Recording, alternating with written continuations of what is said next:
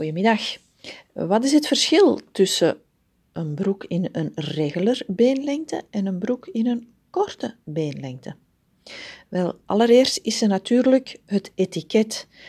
Bij een regular beenlengte staat er dikwijls bijvoorbeeld de letter R of er staat niets.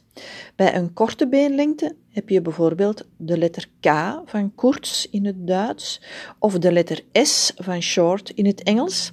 En daaraan kan je natuurlijk zien of de broek gewone beenlengte heeft of een korte beenlengte.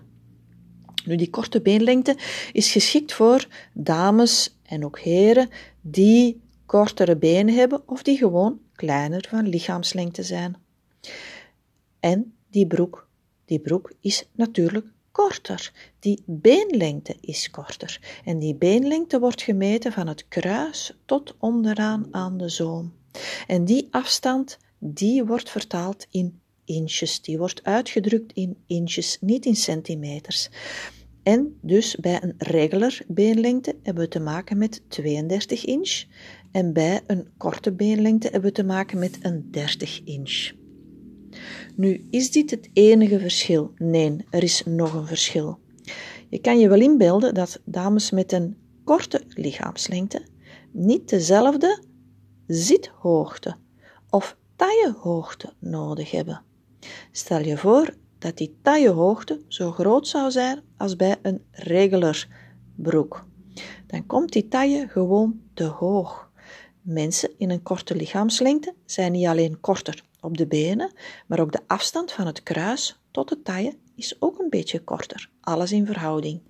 En dus dat wil zeggen dat die broeken in kortere beenlengte over het algemeen ook een kortere zithoogte of een kortere taillehoogte hebben. En dat is natuurlijk echt interessant.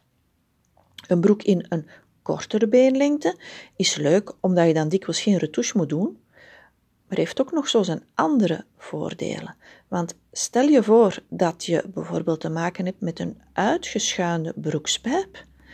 Die uitschuining begint op een bepaald punt op je been en dan gaat die broek langzaam, maar zeker breder naar onderen toe.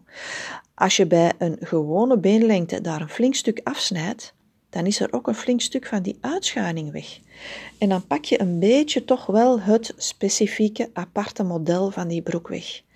En dus als je een broek koopt die van eerst af aan in een kortere beenlengte is, dan gaat die uitschuining ook wat hoger starten.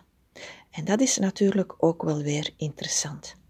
Dus als je wat korter bent van beenlengte, als je wat korter bent van lichaamslengte, en er zijn broeken in zowel de regular als de korte beenlengte, dan moet je toch zeker die kortere beenlengte proberen, want dat heeft zeker en vast zijn voordelen. Zo, fijne dag nog.